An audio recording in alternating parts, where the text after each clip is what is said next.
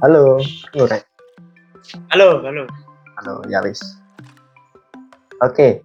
eh, Assalamualaikum warahmatullahi wabarakatuh. Eh, Waalaikumsalam warahmatullahi wabarakatuh. pagi, siang, sore, atau malam. Kita dari TK Matahari Terbit Universitas Muhammadiyah Gresik. eh, di sini kita akan sedikit eh, mendiskusikan atau sedikit sharing-sharing terkait kemahasiswaan. Di sini sudah ditemani oleh tiga teman dan sahabat saya. Yang pertama ada dari sahabat Nindi atau bisa disebut Mbak Nindi. Oke, dari Mbak Nindi ini dari jurusan psikologi, eh, memulai pendidikannya di Universitas Muhammadiyah sejak tahun 2019. Lalu ada teman saya yaitu sahabat Sayid atau bisa dipanggil Mas Sayid dari Teknik Industri Universitas Muhammadiyah sama dengan Mbak Nindi masuknya pada tahun 2019 dan juga ada satu teman saya yaitu sahabat Jidan. Sahabat Jidan ini dari program studi pertanian yang di mana Mas Jidan ini masuk dan Mas eh, memulai kuliah sejak tahun 2018 nah sekarang kita akan sedikit mengulik-ulik terkait benang merah eh, dari mahasiswa itu seperti apa menurut teman-teman sekalian. Oke, kita mulai langsung eh, sharing aja ya. Kebetulan semua kan mahasiswa ya, benar kan? Iya, Mahasiswa. Ah, mahasiswa. Oke. Pasti lebih tahu dong terkait mahasiswa. Jadi eh, menurut kalian ini mahasiswa itu yang seperti apa? Menurut kalian sih? Mungkin dari siapa ya? Mungkin dari Mbak Lim. Mbak Lim, menurut sampean, menurut Anda, mahasiswa menurut Anda itu seperti apa sih? Atau mahasiswa menurut saya itu eh, mereka yang sedang berada di perguruan tinggi ya terutama. Ah, itu kan umumnya seperti itu mahasiswa itu. Tapi ternyata setelah saya dalami mahasiswa itu bukan mereka yang hanya sedang eh, apa namanya menempuh di sebuah perguruan tinggi aja. Tapi mahasiswa juga eh, dituntut untuk apa ya memiliki intelektual yang tinggi dan mampu menjaga nilai-nilai masyarakat dan sosial menurut saya seperti itu oh, oke. Eh, menurut Mbak Nindi, mahasiswa itu tidak hanya melulu ber- eh, tidak hanya melulu belajar terus ya, tetapi juga Nah. eh, apa ya ikut serta mengimplementasikan ilmunya kepada masyarakat. Mungkin kurang lebih seperti itu ya. Nah, itu iya mas eh, itu dari saya, Mbak Nindi tadi. Kalau ini dari teman saya yang sedang bekerja, sahabat Sayid. Mas Sayid ini kan juga sedang bekerja, sedang menempuh pekerjaan yang cukup eh, sibuk lah katakan. Terus juga Mas Sayid ini juga sedang belajar di universitas atau sedang menjalani program pembelajaran. Nah dari kesibukan Anda sekarang, eh, bagaimana sih eh, dari Mas Sayid ini untuk mengatur waktu? Kan banyak itu dari teman-teman di luar sana yang bertanya. Kalau semisal kuliah itu kan fokus belajar. Kalau kita kerja nanti nggak bisa fokus belajar. Nah, mungkin Mas Said bisa menjelaskan sedikit. Oke, terima kasih sahabat. untuk, untuk membahas persoalan mahasiswa yang sekarang. Kita kita mulai dari arti dari mahasiswa itu sendiri, yang mana kan artinya mahar dan juga siswa yang berarti satu tingkatan kalau bisa dikatakan satu tingkat lebih tinggi daripada siswa pada umumnya. Nah, untuk mahasiswa sendiri kan eh, rata-rata memiliki tingkat intelektualan dari eh, tingkatan yang di bawahnya ya ini siswa.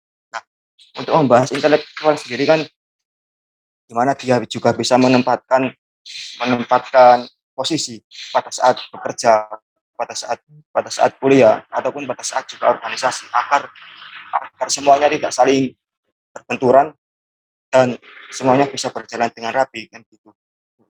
Kemudian kalau membahas uh, kuliah kan juga kebutuhan dan juga kerja ini juga untuk membiayai dari kuliah itu sendiri. Maka dari itu kita juga harus bisa mengatur waktunya. Kapan kapan di mana kita uh, waktunya untuk bekerja dan fokus pada pekerjaan itu dan kapan di mana kita waktunya untuk kuliah dan bisa menyelesaikan tugas-tugas kuliah tersebut dengan semaksimal mungkin.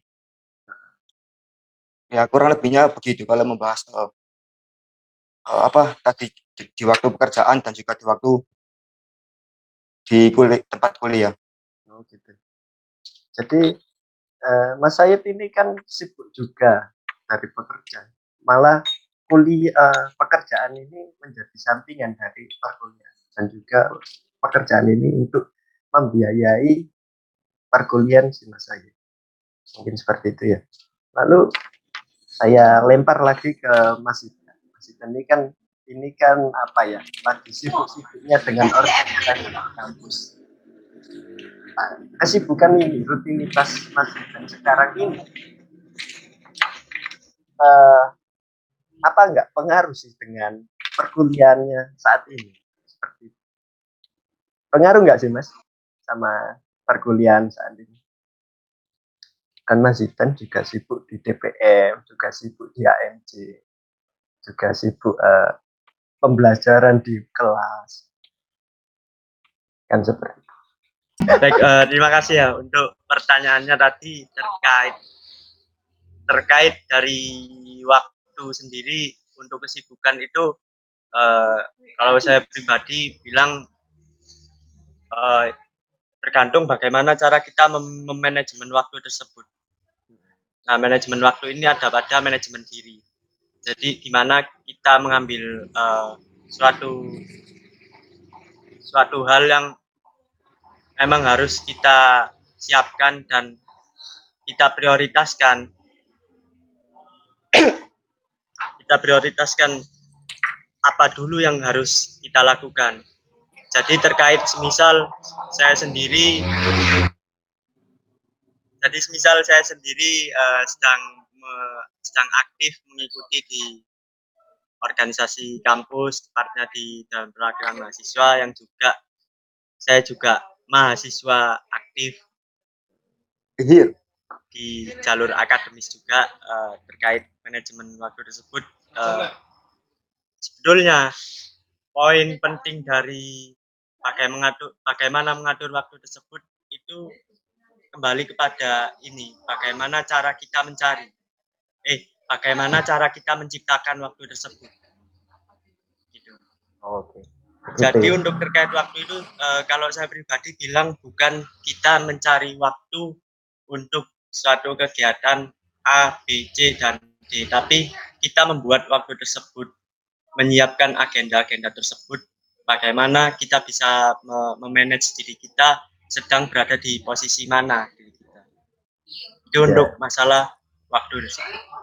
Jadi Oh ya, Mas Zidan ini kan uh, lebih apa ya mahasiswa aktif di akademis juga aktif di organisasi. Jadi Mas Zidan ini Iya. termasuk orang yang perfeksionis ya. Semuanya serba teratur. enggak sebetulnya ya sebetulnya gini. Jadi gini, bukan berarti teman-teman ini kalau menurut saya gini. Saya pribadi tidak terlalu suka bilang bahwa mahasiswa ini di, diklasifikasikan sebagai mahasiswa yang akademis atau organisatoris. Karena menurut saya keduanya itu berjalan berbarengan. Kembali kepada manajemen diri kita. Karena tujuan utama pertama seorang mahasiswa eh, seorang orang di perguruan tinggi ini kan memang tujuan pertamanya kan belajar. Nah itu di akademis. Dan juga mahasiswa ini di dalam dunia perkuliahan perkuliahan ini tidak hanya eh, di eh, apa ya istilahnya tidak hanya mencari tahu, tidak hanya mengeksplor diri mereka pada hal-hal yang hanya di akademis. Kalau kata Mbak eh, Najwa kan ya, Najwa Siap itu ya saya ingat kat- kata Mbak Najwa Siap kan bilang gini bahwa kuliah itu membeli situasi. Ada ada banyak situasi dalam perkuliahan. Salah satunya tadi ada organisasi. jadi eh, maksudnya membeli itu gimana sih mas? Gini, kita berkuliah secara umumnya kan untuk me- untuk belajar, untuk mendapatkan ijazah dan untuk mungkin loh sebagai batu loncatan dari pekerjaan. Nah, bahwasannya di dalam dunia perkuliahan sendiri itu tidak hanya itu. Nah, teman-teman ini bisa meng, mengeksplor diri masing-masing. Ada itu namanya eh, dalam dunia organisasi itu tadi. Oh begitu ya mas. Eh kan gini ya mas. Eh apa ya? eh, pandangan Mas Zidan ini ya terkait mahasiswa saat ini tuh gimana sih mas? Mungkin Mas Zidan bisa membantu menjawab. Kan menurut Mas Zidan kan sebagai mahasiswa itu bukan hanya sekedar akademis atau organisatoris, tetapi keduanya itu saling berkesinambungan. Menurut Mas Zidan ini gimana? Mahasiswa saat ini. Untuk mahasiswa saat ini ya menurut saya gini. Yang pertama seiring perkembangan zaman, teknologi, IT, dan juga seiring berjalannya waktu dan situasi. Yang artinya di mana teman-teman mahasiswa ini juga menyesuaikan dengan era era apa ya, era teknologi dan era situasi saat ini. Jadi memang dikata kalau menurut saya memang dikatakan eh, beda dengan mahasiswa-mahasiswa sebelumnya.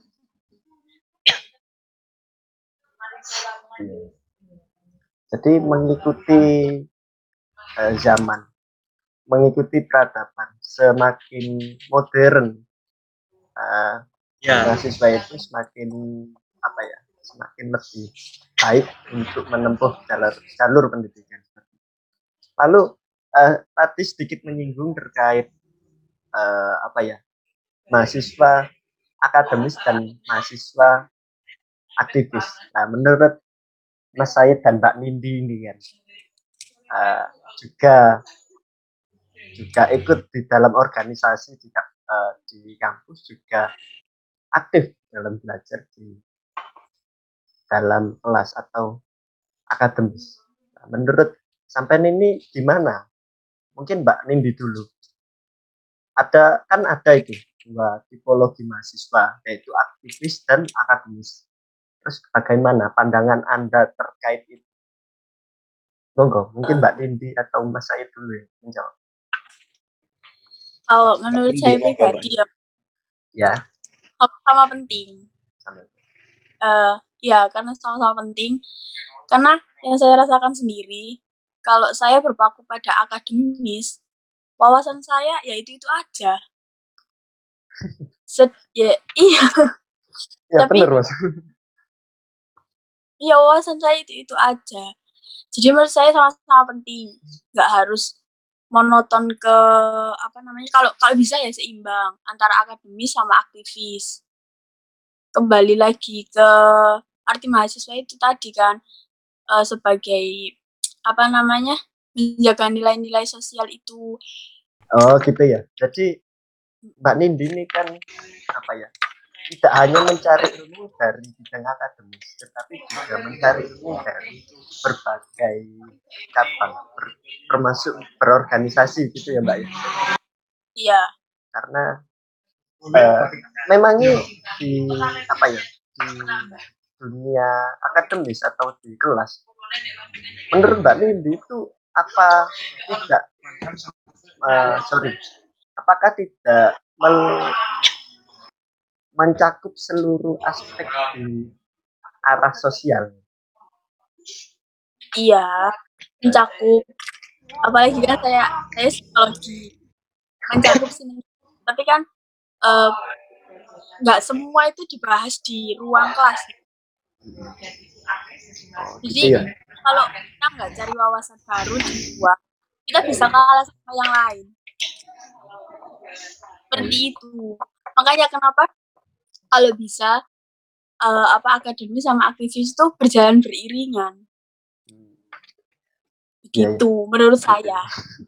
jadi eh, menurut Mbak Nindi itu kan apa ya akademis dan aktivis itu saling berjalan beriringan lalu Iya. untuk mempraktekannya Mbak kan kita se- sebagai mahasiswa ini sebagai mahasiswa harusnya itu ikut andil dalam peran masyarakat lalu eh, bagaimana Mbak Nindi ini untuk mempresentasikan atau eh, apa ya ikut andil dalam ranah sosial bermasyarakat. Apakah Mbak apa Mbak Nindi pernah eh, ikut ngajari arek-arek atau kan Mbak Nindi juga mendapatkan sedikit ilmu dari dunia perkuliahan. Kalau implementasi saya ya dari eh, dari yang bisa saya ambil dan saya saya terapkan itu ke dunia perdagangan sih. Oh gitu. Iya. Fokus jual beli ya. entrepreneur Entrepreneurship. karena eh, dari organisasi itu saya bisa apa ya se-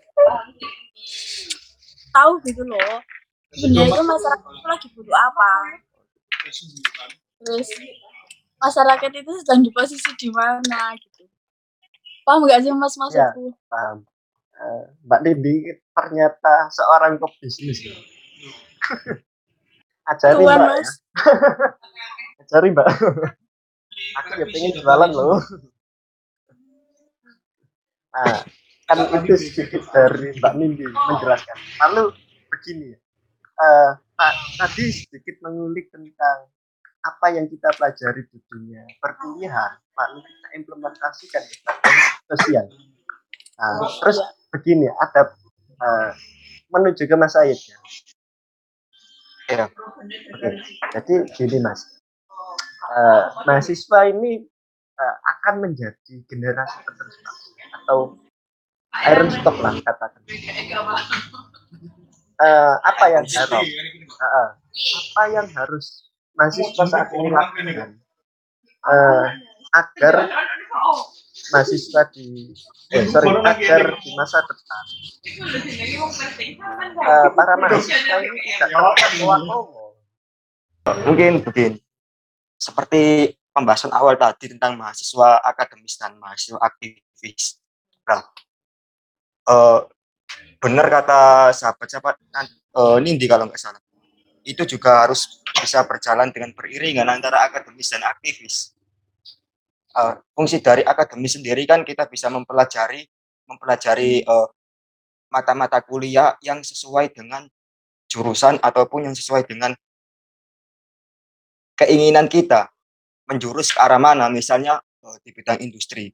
Nah, kita kan bisa memahami memahami pelajaran yang mana eh, itu itu nantinya akan menjurus kita ke bidang perindustrian. Nah, setelah kita mengetahui ilmu-ilmu ilmu-ilmu industri tadi, kan kita sebagai mahasiswa juga ada peran sebagai social control. Nah, yang mana jikalau jikalau ada suatu masalah di dunia industri ataupun seperti limbah-limbah industri yang mengalir ke lingkungan masyarakat yang bisa yang bisa apa itu yang bisa menyebabkan sungai-sungai keruh karena limbah industri. Dan kita kan juga bisa mempelajari jurusan mata kuliah kita. Nah, itu bisa kita diimplementasikan untuk mengawal mengawal persoalan pemasyarakatan seperti salah satu contohnya seperti itu tadi. Jadi eh, apa ya? eh, dari karena saya ini kan tadi menelisik terkait perindustrian. Kita ini kan sudah berada di era industri 4.0 ya. Ya sih? Ya, Nah, eh, menurut Mas Sayed ini kan laku dari bidang apa? Selaku dari jurusan industri. Ini Kan ini ya dari era perindustrian 1.0 sampai ke 4.0 ini kan sudah masuk ke ranah apa ya? elektronik atau mat, eh, internet lah katakan. Eh, teknologi apakah ya. ya teknologi apakah eh, di ranah perkuliahan eh, berpengaruh baik atau berpengaruh buruk menurut Mas Said? Apakah pengaruh ya di dunia eh, perkuliahan Hmm. perkembangan teknologi seperti ini? Ya, menurut saya sih jelas sangat-sangat berpengaruh, Mas. Kenapa? Karena kan eh, kalau kita tidak menyesuaikan, kalau kita tidak menyesuaikan dengan perkembangan teknologi yang terjadi sekarang, kita akan ketinggalan zaman, kita akan stagnan di tempat, sedangkan eh, kampus-kampus yang lainnya ataupun institusi yang lainnya sudah menyesuaikan dengan perkembangan teknologi itu tadi. Nah, mungkin bisa menerapkan seperti yang sampean katakan tadi, dengan internet perkuliahan bisa menggunakan internet dan juga ada ada apanya ada ada website tersendiri untuk eh, universitas universitas itu tadi. Iya. Jadi kita lebih dimudahkan ya seperti itu. Nah, lalu, lebih lalu dimudahkan. eh, begini Mas, kita ini, mungkin ini bisa dijawab ya siapa pun, mungkin Mbak Nindi atau Mas Ikan atau Mas Ed.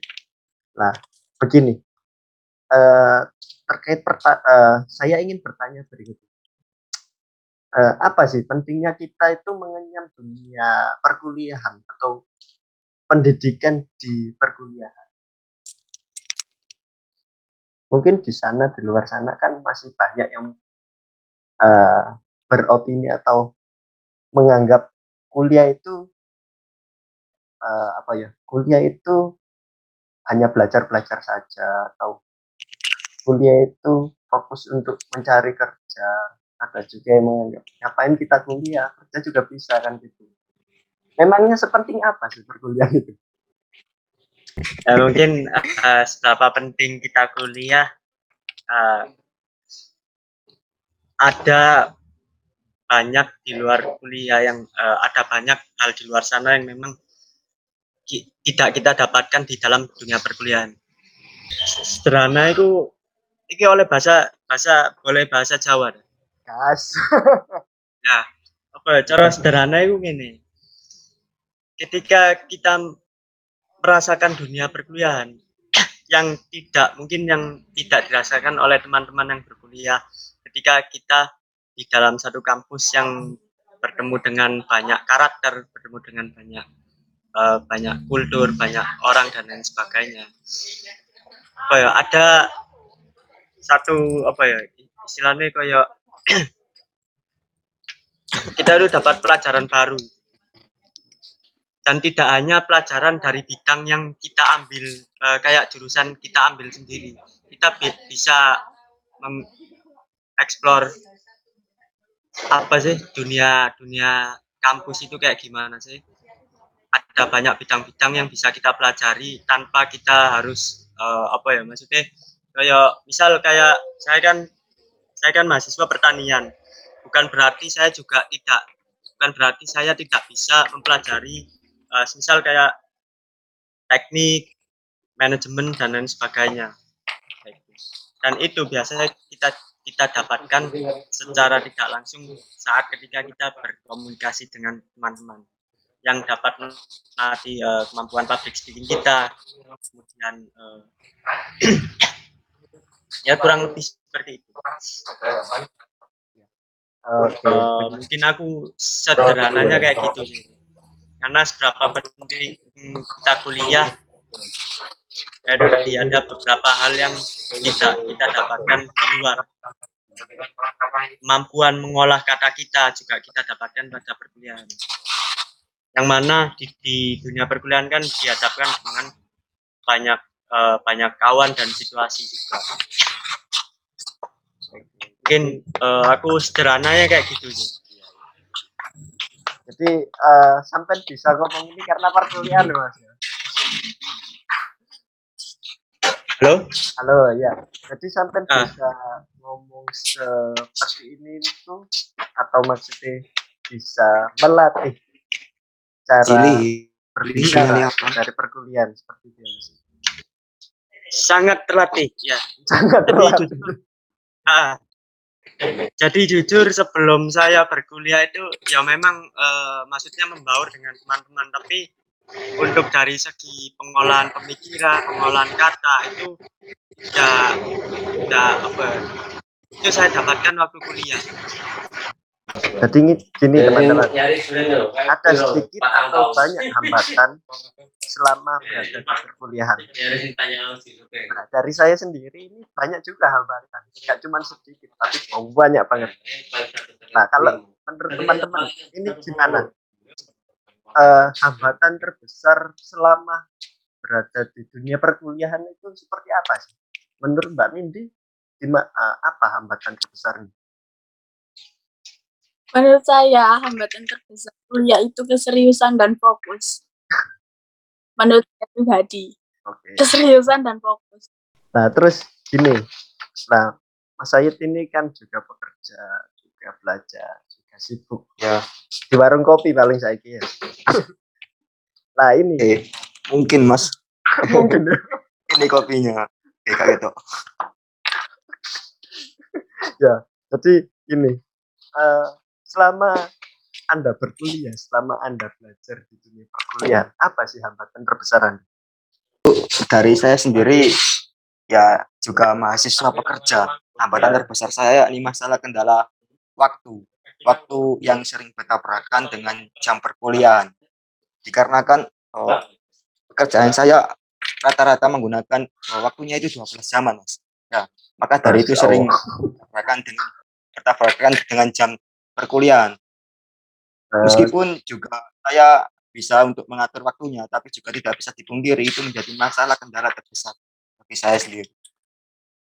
Resiko itu. Juga ya, apa tugas-tugas juga sering numpuk mas. Cuma saya masih berusaha untuk tidak ketinggalan dan masih berusaha untuk menyusulnya. ya memang itu an- memang sebuah resiko, benar kata Mbak. Itu resiko, Mas. Siap, siap, iya. Nah, kalau Mbak Nindi ini kan tadi mengatakan apa ya?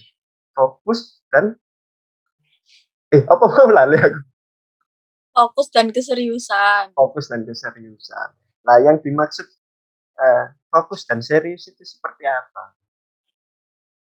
Apakah kita Eh, harus fokus belajar? Ya seperti seperti kendalanya juga seperti sama Mas Said dan waktu gitu kan. Kadang fokus kita berubah-ubah gitu. Ya. Dalam satu hari kita eh terutama saya sendiri megang banyak apa ya? Banyak antara kerjaan, terus jualan, kuliah, Aduh, keluarga. Intinya juga sama-sama kayak Mas Said waktu. Tapi eh, gimana cara kita ngolah waktunya aja gitu. Terus kes- keseriusan itu tadi kayak sampai eh, pasti ada di titik di mana kalau kita capek itu pasti kayak lanjut kuliah enggak gitu. Biasanya kan arek wedok terus ke- ini, Mbak. Dari ini arek-arek wedok saya gini wis kepedulan kuliah. Kalau indah rapi. Ojo-ojo sampean ngono ya. Pak Mas, emang Guys, Said cek lembur-lembur kok. oke siap. Saya lembur-lembur. ya, ya. Oke. Ya. Fokusnya itu kadang eh fokus setiap orang kan beda-beda ya. Kalau saya itu lebih ke kadang ke materi itu kayak kurang menyerap aja karena sebenarnya banyak yang sedang dipikirkan gitu. Eman mau coba ini ya. Kon kok bagi pikiran kok. Waduh. kok ngono ya, ya. nah terus gini Ah, terus gini ya. Eh, selama sam- eh, selama kalian kuliah apa yang ha- yang didapatkan atau hasil dari kuliah ini? Selama dua tahun ya kurang lebih. Banyak sih sebenarnya hasil Banyak. dari kuliah. kita bisa apa ya menemukan menemukan banyak relasi dari perkuliahan.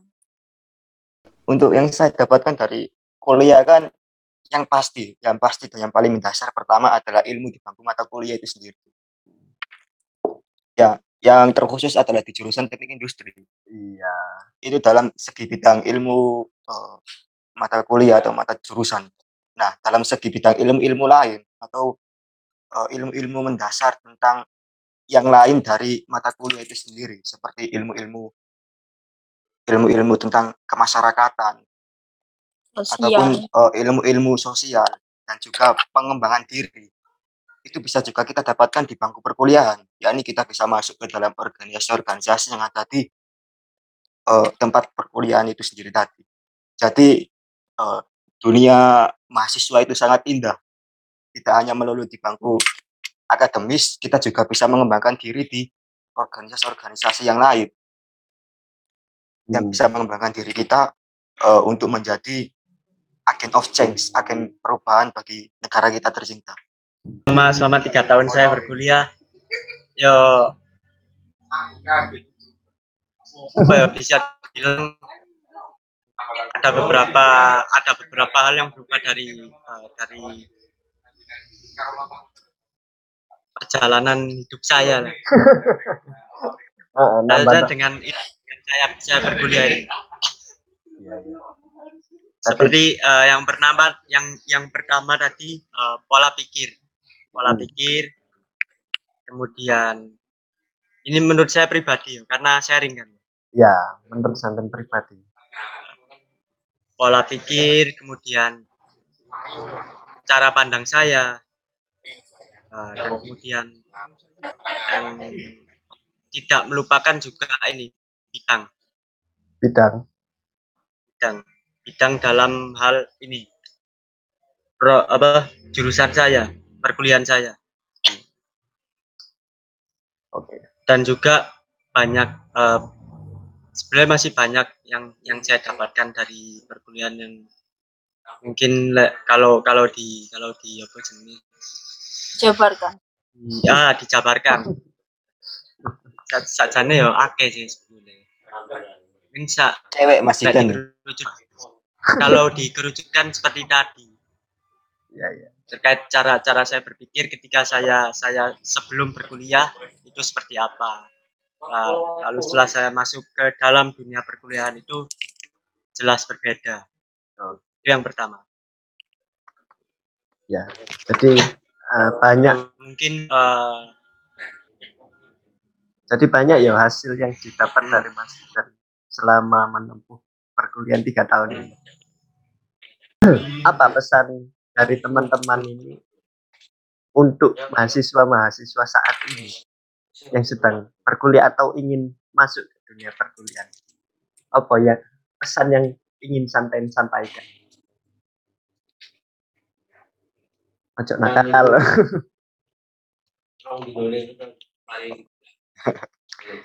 Kalau di Indi, monggo. kan eh, sekarang ini sudah masa-masanya sudah musim-musimnya. Masa penerimaan mahasiswa baru. Jadi mungkin mungkin ada sedikit pesan untuk teman-teman yang ingin masuk kuliah. Belum. dari saya ya mas ya. Jangan Oh, ya. ragu. Jangan ragu. Karena pasti ada jalannya. Iya seperti itu oke Kalau siap. ya udah jalanin. Eh, seperti itu kalau saya. Soalnya mindset saya seperti itu. Ya udah jalanin dulu aja. Iya ya udah dijalanin dulu aja. Gitu. Ya. ujungnya kayak gimana kan nggak ada yang tahu. Oh gitu. yang penting optimis. Yang penting optimis. Nah nek, ah, Mas Said apa pesan anggaplah aku sebagai mahasiswa baru. Pengen masuk kuliah apa yang harus sampai disampaikan? Yang pesan untuk mahasiswa baru. Ya. Ya. Coba saja nikmati di dunia perkuliahan. Karena dunia mahas dunia mahasiswa itu sangat indah seperti yang saya bilang tadi. Eh, bisa menimba ilmu di bangku akademis dan juga bisa mengembangkan diri atau wawasan di di eh, di luar-luar ataupun di tempat-tempat selain akademis tadi yang pasti yang paling indah dari dunia mahasiswa adalah kita bisa eh, ibaratnya membuka wawasan kita, membuka kesadaran kita yang nantinya mahasiswa itu akan kembali ke masyarakat. Nah, itu. Jadi kita bisa mengetahui mengetahui membuka kesadaran tentang masyarakat itu masyarakat sendiri. Karena kita sejatinya adalah dari masyarakat masyarakat sendiri. Nah, orang tua kita kan juga adalah masyarakat sipil juga. Kan gitu. Terima kasih. Betul. sama-sama Mas Said mungkin Mas Said ini Coba saja pokoknya. Ah, ah, Coba saja. eh, Kalian- kebetul- kebetulan kita juga masyarakat sipil ya nah terus iki Mas Iban mungkin ono unek-unek yang harus disampaikan kepada siswa yang ingin masuk perkuliahan atau eh, teman-teman kita yang eh, akan masuk ke dunia perkuliahan.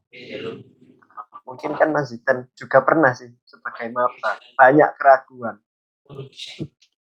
Untuk memulai kehidupan baru di dunia perkuliahan.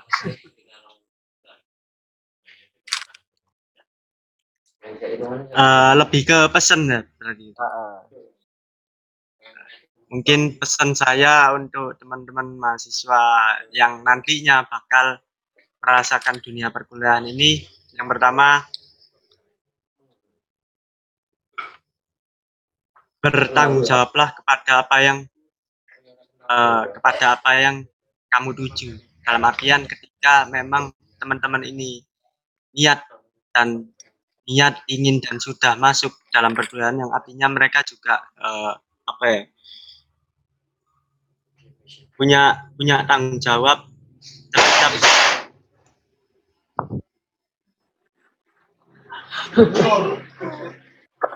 eh malah- sorry ya ono suara mau Iya, nggak apa-apa. Kubraan ah. ono idamanmu rek Eh, idaman. Idaman Ya, ini di. Temanku kan Ya, awak. artinya harus apa ya Ojo ngono ta lah. artinya bahasanya tujuan utama dari temen Ya. tujuan utama dari teman-teman berkuliah kan tadi untuk itu tadi kan tak fokus. Iki sorry ada arek guyon Jadi apa ya? ya itu tadi eh, sampai lali kan. Oke. Jangan, di mau. mau tetap jangan lupa kepada tujuan. ah iya. Tujuan. dan dengan apa tujuan teman-teman ini berkuliah.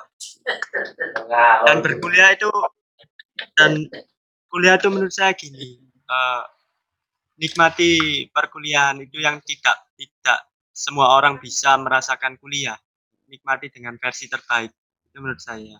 Akankah teman akankah teman-teman menjadi apa nantinya menjadi ini menjadi itu. Yang menurut saya nantinya kalau bisa teman-teman ini bisa berguna bagi masyarakat bagi orang tuanya terutama. Mungkin seperti itu sih.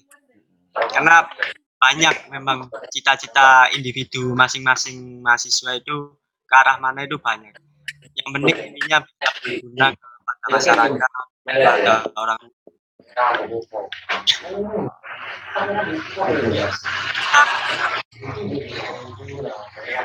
sudah menuju ujung. Kita sudah apa ya mengulas terkait mahasiswa. Teman-teman saya. Maksud saya eh, kita sudah mengetahui sudut pandang dari Mas Sayed, Mas Zidan dan Tati.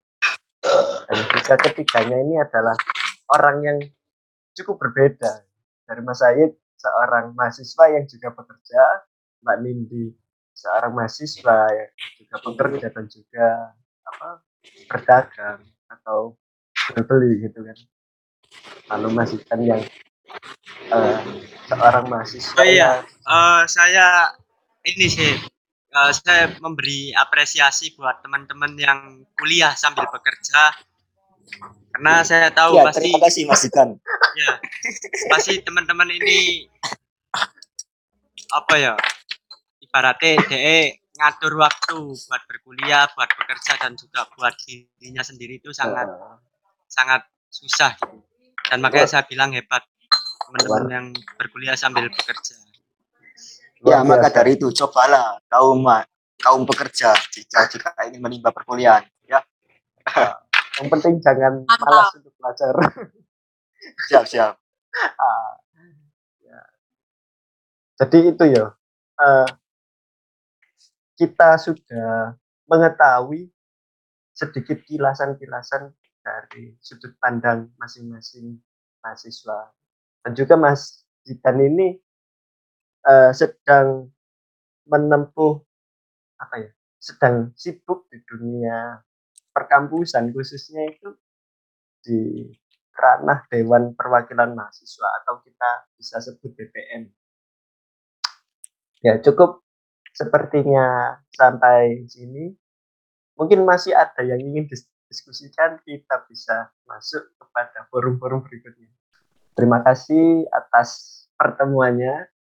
Tetap jaga kesehatan, eh, tetap eh, atura, aturi peraturan protokol, tetap lestarikan tradisi, bangun kultur oposisi, bumikan demokrasi, tangan terkepal dan maju jingkrak. Salam hidup bergerak. mahasiswa Salam pergerakan. dalam pergerakan hidup Salam mahasiswa pergerakan. Salam Ya. bergerak. Loh, Mbak Nindi, saya kan muncul. Terima kasih.